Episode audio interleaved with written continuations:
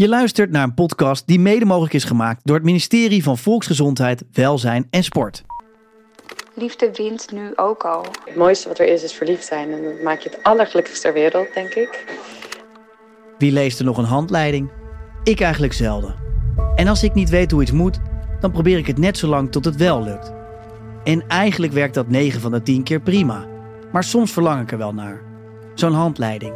En dan niet eentje over het gebruik van een combi-magnetron, maar meer over complexe zaken. Zoals wat moet ik doen als ik me eenzaam, somber of verdrietig voel? Of wat als je worstelt met je identiteit, zelfbeeld of angsten? Zo'n handleiding zou ik wel willen. Deze podcast biedt een handvat van oorzaken, gevolgen en persoonlijke ervaringen. Omdat mentale gezondheid een abstract begrip is, ga ik in gesprek met ervaringsdeskundigen en experts. Deze laatste aflevering duik ik in de liefde. En dat doe ik met schrijver en spiritueel leraar Jan Geurts. Er zit altijd een diepere laag van herkenning.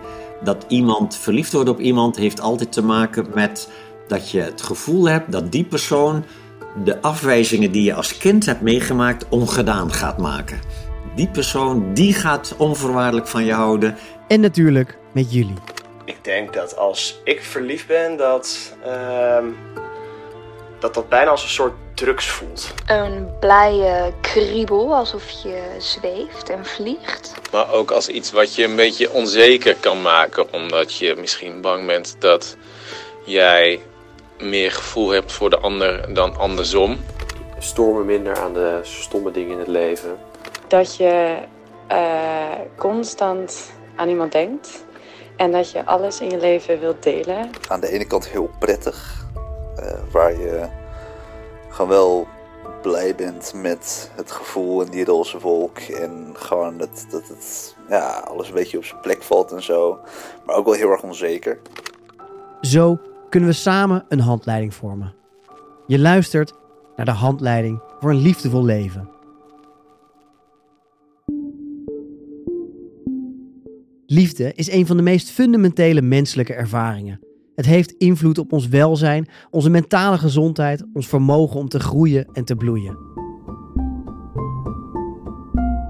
Vooral voor jongeren kan een goed begrip van liefde helpen bij het ontwikkelen van gezonde relaties en het omgaan met uitdagingen zoals liefdesverdriet. Die eerste serieuze relatie die uitging, of die liefde die niet wederzijds was, of een blauwtje lopen op de dansvloer. Hoe cliché het ook klinkt, door in de liefde te geloven is de hoop nog niet verdwenen. Daarom wil ik in deze laatste aflevering inzoomen op een hoopvol perspectief voor de toekomst. Veel jongeren worden geconfronteerd met moeilijkheden in de liefde. Of het nu gaat om afwijzing, gebroken harten of onbeantwoorde liefde. Hoe kunnen we hiermee omgaan om toch een liefdevol leven te leiden? Liefde is iets wat iedereen kent. Het is een rode draad die losjes door je leven loopt. En liefde gaat gepaard met mooie momenten, maar ik ken natuurlijk ook hele verdrietige momenten. Ik heb zelf twee lange relaties gehad.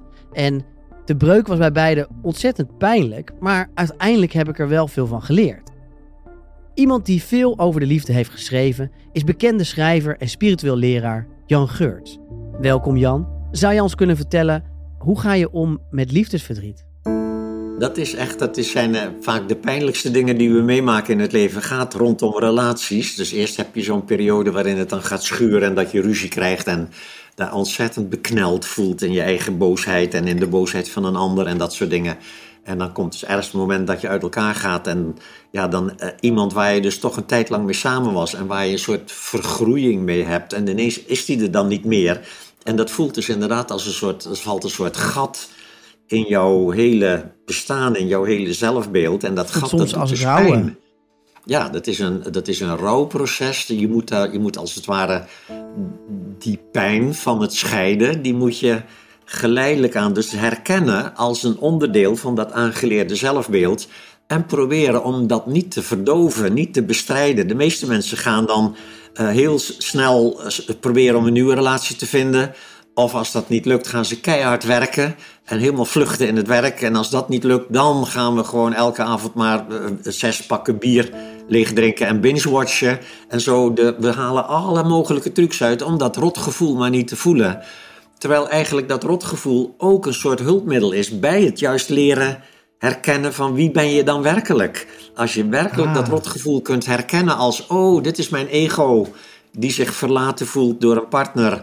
Is oké, ik mag dit voelen. Laat me dit maar gewoon voelen. Het is niet leuk, het doet pijn, maar laat me het nou eens beginnen met het toe te laten. Dus eigenlijk zeg je, liefdesverdriet is juist iets heel moois, omdat het Ja. je even weer bewust maakt van dat je wie je bent en waar jij behoefte aan hebt en wat wel Ja, voor jou werkt er- in de liefde. Als je er op de juiste manier mee kunt omgaan. Dus als je die neiging om je liefdesverdriet te bestrijden en te verdoven en zo snel mogelijk van het rotgevoel af te komen, als je die neiging kunt omkeren en zeggen nee, laat ik daar nou eens gewoon wat tijd voor nemen, want anders dan douw ik het weer weg en dan komt het gewoon terug in een volgende relatie. Dus je leert ook alleen maar van je liefdesverdriet als je het niet meteen verdooft en wegdouwt, maar als je er gewoon in staat bent, als je oefent ook, je moet dat ook leren, om het gewoon eens toe te laten, dat pijnlijke gevoel. Om het gewoon eens te herkennen als een gevoel. En dan ga je je op zoek, oké, en wie is nou eigenlijk degene die nu zo'n pijn heeft over dit gevoel?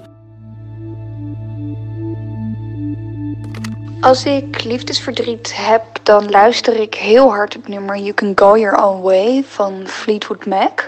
En dan schreeuw en brul ik lekker mee. Nou, dat is eigenlijk bijna een soort van het tegenovergestelde van de verliefdheid. Het is ook heel erg aanwezig en kan aan niks anders denken. Maar eh, ik voel me dan zwaar en emotioneel. En alles staat eh, in het teken van, nou ja, het kwijt zijn. Dan eh, slaap ik slecht, ben ik gestrest.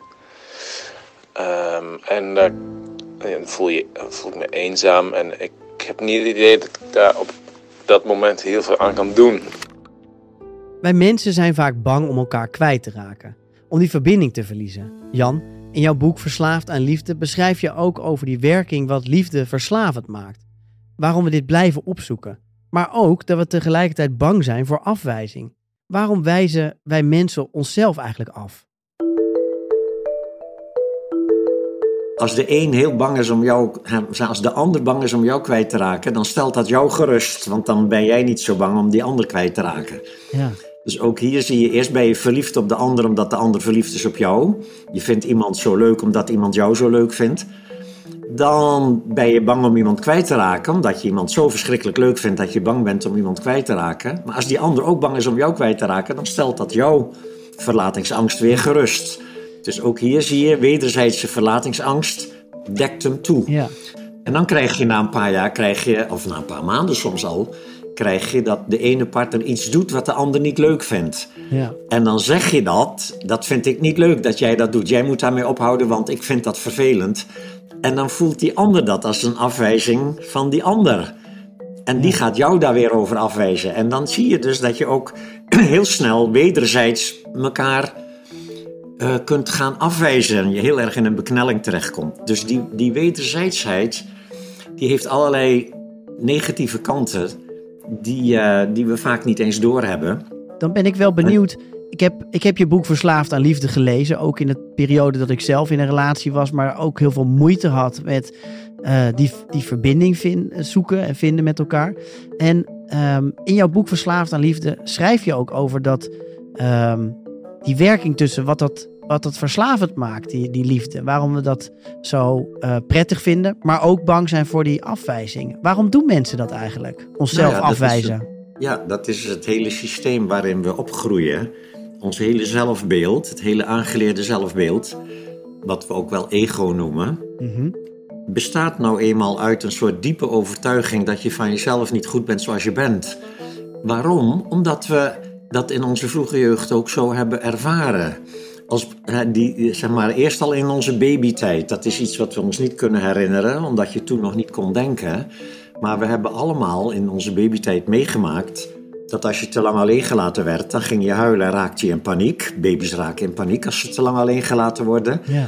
En als moeder dan komt om ze te knuffelen en te voeden, dan verandert die paniek weer in veilig voelen, in je oké voelen. Dus we krijgen eerst al een hele intensieve training in de overtuiging dat je goed voelen komt altijd van buitenaf. En als van buitenaf te lang ontbreekt, als, als je te lang alleen gelaten wordt, dan komt van binnenuit komt een soort angst en een soort diep verlangen naar weer, zeg maar, je te verbinden met iemand die jou dan weer geruststelt en toedekt. Dus eigenlijk Dus zeg dat je dat... systeem, dat zit er gewoon in. Dat hebben we gewoon bij ons. Dat is ook waarom ze, de psychologen ook altijd zeggen... mensen zijn sociale wezens. Ze hebben elkaar nodig om zich goed te voelen. Dus eigenlijk En- en zeg je dat dat is- het, het, het verlangen naar liefde eigenlijk al ontstaat in die kindertijd. En eh, hoe, in hoeverre heeft opvoeding dan, dan te maken met een gezond beeld op liefde krijgen? Nou, als je, als je zeg maar ouders hebt die redelijk normaal functioneren... die een beetje zelfvertrouwen hebben als ouder... dan leer je als kind nog steeds wel dat je goed voelen komt van buitenaf... en van binnenuit komt angst en, en zeg maar afhankelijkheid... Ja. Maar die toedekking van buitenaf, die vindt dan op een hele normale, gezonde manier plaats. En dan ontwikkel je dus als kind, naarmate je ouder wordt, ontwikkel je een redelijk stabiel zelfbeeld. Dus dat betekent dat je in je zelfbeeld nog steeds dat diepe gevoel kunt hebben dat je niet goed bent zoals je bent. Ja. Maar het lukt je ook elke dag redelijk goed om succesvol te zijn, zowel op school als in je relaties, als in je werk. Je hebt redelijk genoeg geld om van te leven. dat soort dingen. Zeg je dan dat een gezonde liefdesrelatie eigenlijk pas kan ontstaan als je twee sterke individuen hebt die allebei ook heel goed eh, eh, voor zichzelf kunnen zorgen? Ja, dat is zeker een, eh, een, een pluspunt. Je ziet ook vaak als mensen al een aantal relaties gehad hebben en op latere leeftijd, pak weg, en je 30, 35 jaar oud bent en dan weer een nieuwe relatie begint. Eh, je voelt echt jezelf als je ook gewoon, weet je wel, s ochtends op de bank op je telefoon zit en koffie drinkt. En eigenlijk misschien niet eens heel erg ergens over praat of heel erg je best doet om de leukste zelf te zijn. Maar gewoon, ja, leeft met die andere naast je. Wat het juist ook zo fijn maakt.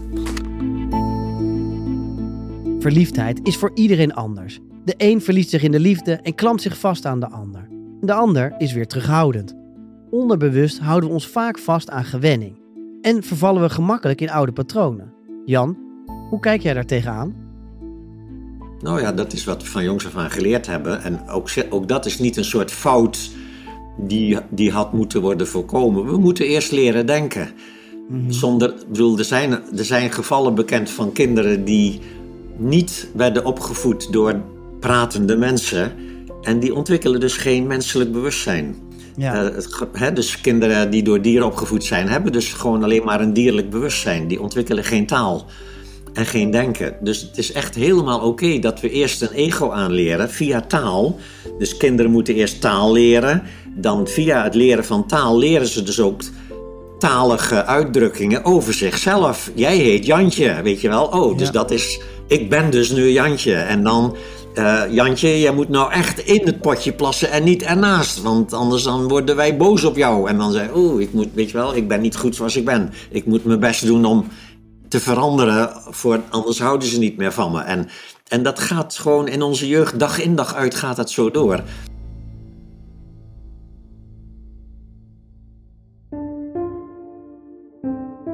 Ik denk dat ik in het verleden er vanuit mijn enthousiasme zo helemaal volledig insprong. En daarin ook mijn handen voor mijn ogen deed. eh, als ik misschien wat rode vlaggen zag bij eh, de ander. Dacht van, nou ja, dat komt wel goed. Dat is een probleem voor de toekomstige.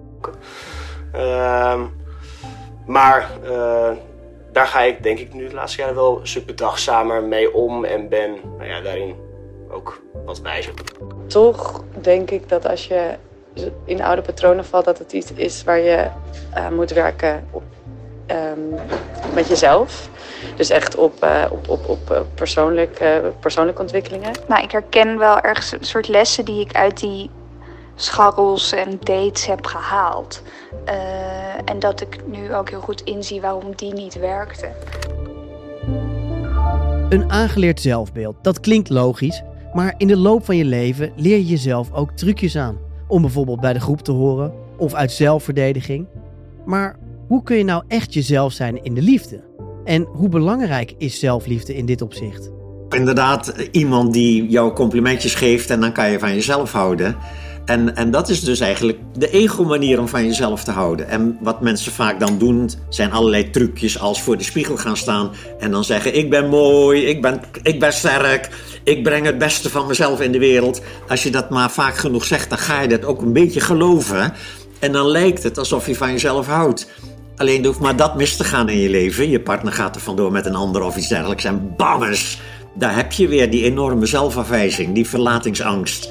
En dan werkt het ook nog eens een keer tegen je dat je elke ochtend voor de spiegel zei: Ik ben goed, ik ben waardevol. Want dan zeg je: Wat ben ik toch een lul dat ik mezelf nu weer zit af te wijzen. Ik ben al een jaar lang ben ik mezelf aan, aan het trainen om van mezelf te houden. Dus, dus van jezelf houden is niet het resultaat van een training. Het echte van jezelf houden is het resultaat van beter leren kijken. En niet via het denken dat doen. Want ook dat, ik ben waardevol, ik ben goed, zijn maar gedachten. Ja. Nee, kijk rechtstreeks naar jezelf. En van jezelf houden blijkt dan iets heel anders te zijn. Niet een lekker gevoel van lekker in je vel zitten. Nee, van jezelf houden. Dat doe je ongeacht hoe je je voelt. Dat is pas echt liefde. Ja. Je hebt een rotdag, je voelt je eenzaam, alles is tegengelopen en je kunt naar jezelf kijken. Terwijl je een rotbui hebt en zeggen: Lieverd, heb je een rotbui, is helemaal oké. Van mij mag je een rotbui hebben, is helemaal oké. In de zoektocht naar zelfliefde. Ik denk dat ik inmiddels op een punt ben dat ik ontzettend goed weet wie ik ben en waar ik behoefte aan heb. En, ehm, eh, eh, maar ja, waar is die liefde dan uiteindelijk? Ik heb ook nog steeds geen partner. Betekent dat dan dat als je steeds beter weet wat je wil, dat het op een gegeven moment steeds moeilijker wordt om een partner te vinden die daarbij past? Nee, nee, nee, nee, nee, juist andersom. Nee, juist, het wordt steeds makkelijker om een partner te vinden. Je wordt steeds makkelijker verliefd. Dus er is nog je, hoop. Je, je range wordt veel groter. Want in plaats van dat je alleen maar op iemand kunt vallen die een beetje soort van papi of mami eigenschappen heeft uit jouw jeugd. eh, zie je gewoon steeds meer de, de schoonheid achter het ego. Zowel bij jezelf, maar ook bij anderen. Zie je steeds meer de, de inherente liefde achter. In elk mens zit die al. Dus, dus iemand hoeft alleen maar een soort van beetje te kloppen, weet je wel, weet je, er leuk uit te zien en zo. Dat blijft natuurlijk wel. Het ego heeft zo zijn smaak voor, weet je wel, bepaalde vormen van uiterlijkheden waar je dan op valt. Maar dat zijn ontzettend veel mensen die dat hebben. En die innerlijke kant, die ga je dus veel beter zien. Dus nee, eh, nee, spiritualiteit geeft juist een veel meer liefde in je leven. Omdat je er minder afhankelijk van bent dat het van een ander moet komen. En je dus ook minder wanhopig bent op zoek naar weer een nieuwe partner. Ja. En dat vinden mensen ook aantrekkelijk. Dat jij niet per se al de eerste vijf minuten al de indruk wekt dat je iemand nodig hebt om je goed te voelen. En dan willen mensen misschien wel een relatie met jou. Als, maar dan wil jij alleen maar een relatie met hun. Als zij ook in staat zijn om zich goed te voelen zonder jou. Dat is het. Dus je, ja. ziet dat, je ziet dat gewoon, dat je zoekt dus altijd een match op het niveau van zelfontwikkeling waar je zelf op bent.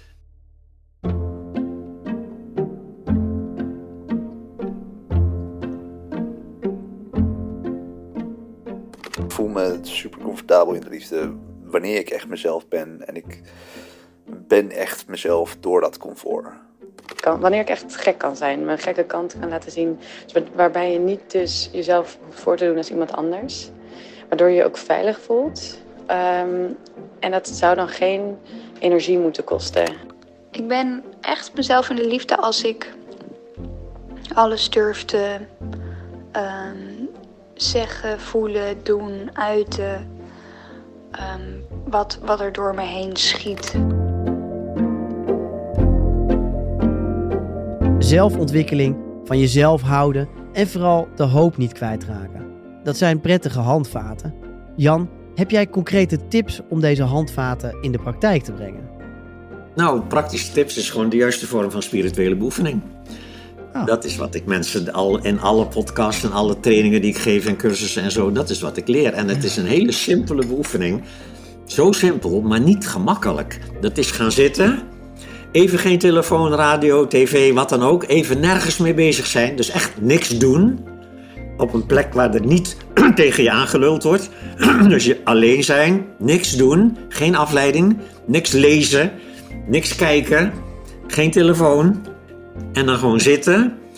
En dan gewoon proberen om bewust te ervaren wat je ervaart. En daar niks aan te veranderen. Dit klinkt als Dus meditatie. niet streven naar meer liefde voor jezelf. Niet je best doen om meer van jezelf te gaan houden. Nee, gewoon zitten. En wat je ook voelt, mag je voelen. Dus het Ja. ene moment zit je je te vervelen. Dan denk je van shit, waar ben ik aan begonnen? Ik moet nog zoveel doen. Moet ik nog vijf minuten wachten voordat mijn tijd, mijn meditatietijd voorbij is? Het andere moment irriteer je je verschrikkelijk aan je eigen gedachten. Uh, soms ben je gewoon alleen maar met een duffe kop zit je gewoon te knikkenbollen. Al die dingen mogen. Dat is je beoefening. Wees nou eens gewoon aanwezig bij alles wat je voelt. En gevoelens komen en gaan. Het is niet alleen maar leuk. Kijk maar naar elk mensenleven. Gevoelens komen en gaan. Je hebt niet een leven met alleen maar leuke gevoelens. Dat bestaat niet.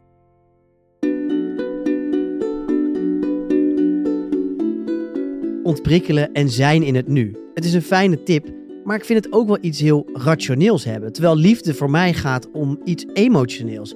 En juist iets heel moois is dat overal liefde in zit. Jan, wat is er volgens jou zo mooi aan de liefde? Ik denk het mooie aan liefde is dat het je op een indirecte manier toch al een beetje in contact brengt met een soort interne staat van liefde. Want heel bijzonder, je komt iemand tegen en iemand voldoet aan bepaalde eigenschappen. Hij ziet er op een bepaalde manier uit en verdomd, die persoon lijkt wel op te lichten als een soort bijna een soort goddelijk soort verschijning van... oh, wat is ze mooi, wat is ze lief, wat is ze prachtig. En wonder boven wonder, ze vindt mij ook nog een keer heel erg mooi en lief en prachtig. En wat je dan ziet is dat dat aangeleerde zelfbeeld zich durft te ontspannen bij iemand... En in feite, de liefde die je voelt en die ogenschijnlijk van de ander lijkt te komen naar jou, komt eigenlijk van binnenuit. Dus wat je ervaart tijdens een wederzijdse verliefdheid, is eigenlijk al een inherente staat van liefde en helderheid. Ja, dus de, de, in de liefde kan de ander ons even het gevoel geven alsof we compleet zijn. Maar eigenlijk zit het gevoel van compleet zijn is ook iets waar we zelf al gewoon mee bezig moeten zijn. En dus ook een partner zoeken die uh, ons de ruimte geeft om, om helemaal onszelf te zijn. En niet het gevoel hebben dat wij bij de ander moeten horen. maar juist gewoon wie past er bij mij. Ja, ja dat is het helemaal. Kijk, die compleetheid die je voelt als je samen bent met die ander. Is in feite de compleetheid die je voelt omdat je even niet op zoek bent naar het opvullen van je incompleetheid. Want die heb je dan gevonden. Zoeken we altijd dan soms een, een wederhelft die ons daarin ja, maar tegelijkertijd, het hele idee van incompleetheid is een aangeleerde vergissing. Ja. Je bent van jezelf al compleet. Je bent al liefde en helderheid. Alleen het ego heeft geleerd te denken dat je van jezelf niet goed bent en dat je liefde van anderen nodig hebt om je wel goed te voelen. Geloof je in een opposites attract? Nou, dat is een kwestie van ego. Soms voel je je aangetrokken tot het tegenovergestelde van jezelf. En soms voel je je aangetrokken tot iemand die heel erg lijkt op jou. En dat kan zelfs afwisselen. Eén keer een relatie met het tegenovergestelde en dan gaat het stuk, doet pijn. De volgende keer val je op iemand die heel erg lijkt op jou. Maar dat zijn maar uiterlijkheden. Ja. Dat is maar de buitenkant. Er zit altijd een diepere laag van herkenning. Dat iemand verliefd wordt op iemand heeft altijd te maken met dat je het gevoel hebt dat die persoon de afwijzingen die je als kind hebt meegemaakt ongedaan gaat maken.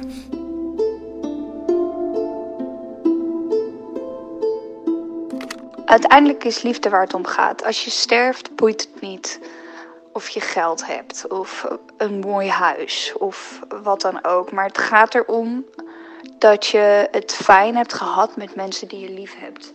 Gewoon dingen te doen die ik leuk vind en waar ik echt van hou en passie voor heb. Maar ook om me te omringen met mensen die echt om me geven en echt liefde voor me hebben. Ik denk dat dat de enige manier is om het te doen. Zelf gewoon door te laten omringen met lieve vrienden die, die altijd, of niet altijd, vaak wel goede adviezen hebben, maar met de meest goede bedoelingen. We leven in onzekere tijden. De mentale gezondheid onder jongeren staat onder druk. Eenzaamheid is toegenomen, prestatiedruk leidt tot meer angststoornissen en we vinden het moeilijk om met rouw om te gaan of te praten over financiële stress. Jan, hoe kan je nou hoop houden in tijden als deze? Nou ja, ik denk dat de hoop, de hoop in deze tijden vooral te maken heeft met dat vanuit de spirituele visie een crisis niet alleen maar narigheid is, maar ook groei van bewustzijn. Mhm. Je ziet het in individuele mensenlevens. Uh, iemand is uh, gewend om bijvoorbeeld keihard te werken, succesvol te zijn. En dan na, na tig jaren uh, komt iemand in een burn-out terecht. Een burn-out is dus eigenlijk een soort van geschenk je wordt ineens geconfronteerd met de manier waarop jij geluk probeert te bereiken. Werkt niet. Je werkt jezelf kapot. Je loopt weg van jezelf. Je vlucht in succes, erkenning, geld, wat dan ook. En daar brand je dan in af. Hetzelfde met de relatiecrisis. De, ja? Dus in, in een mensenleven zie je dat een crisis altijd een bijdrage is aan groei van bewustzijn. Je leert ervan. Wat mooi. Nu, voor mij geldt dat ook voor samenlevingen. Ja. Dus we zien onze samenleving, onze westerse geïndustrialiseerde samenleving, zien we de laatste 10, 20, 30 jaar geleidelijk aan, maar wel steeds sneller in een crisis komen. Ja. Crisis op het gebied van klimaat, crisis op het gebied van wonen, crisis op het gebied van, van eh, mogelijkheden om je te ontwikkelen, crisis op het gebied van oorlogen uiteraard. Enfin, zo'n beetje op alle fronten gaat het mis. Uh, we zien het ook in de overheid, de overheden, de, hè, dat, die, die ons leiding zouden moeten geven, geven geen leiding meer. De politiek is totaal verstrikt geraakt in zijn eigen, zeg maar, zichzelf in proberen in stand te houden tijdens deze ellende. Dus je kan aan de ene kant zeggen, we gaan goed de shit in. Maar tegelijkertijd kun je daar ook iets aan ontlenen van wat mooi, dat al die oude zekerheden nu ineens aan het instorten zijn. Want daardoor kan ook de samenleving bewuster worden.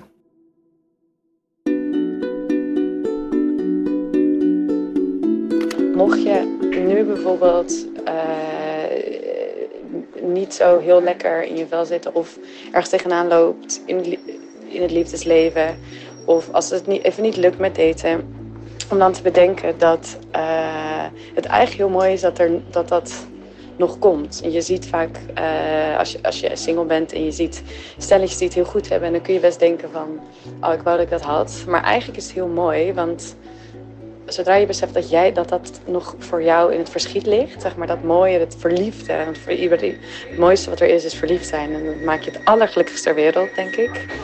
Aangezien liefde het, het mooiste is wat je iemand kan wensen.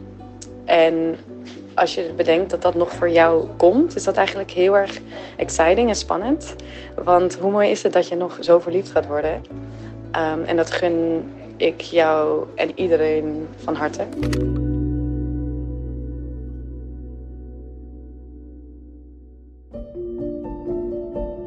Crisis is een moment van groei.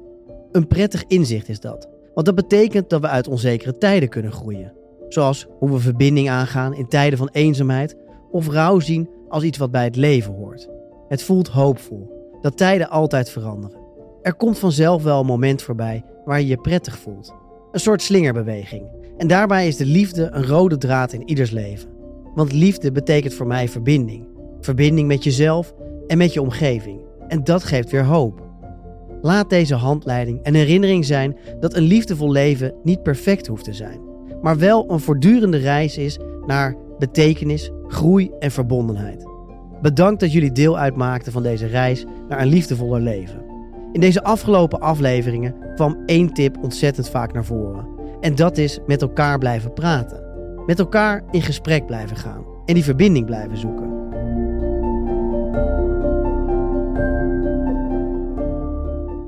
Soms glipt die even uit je vingers, zonder dat je het in eerste instantie doorhebt.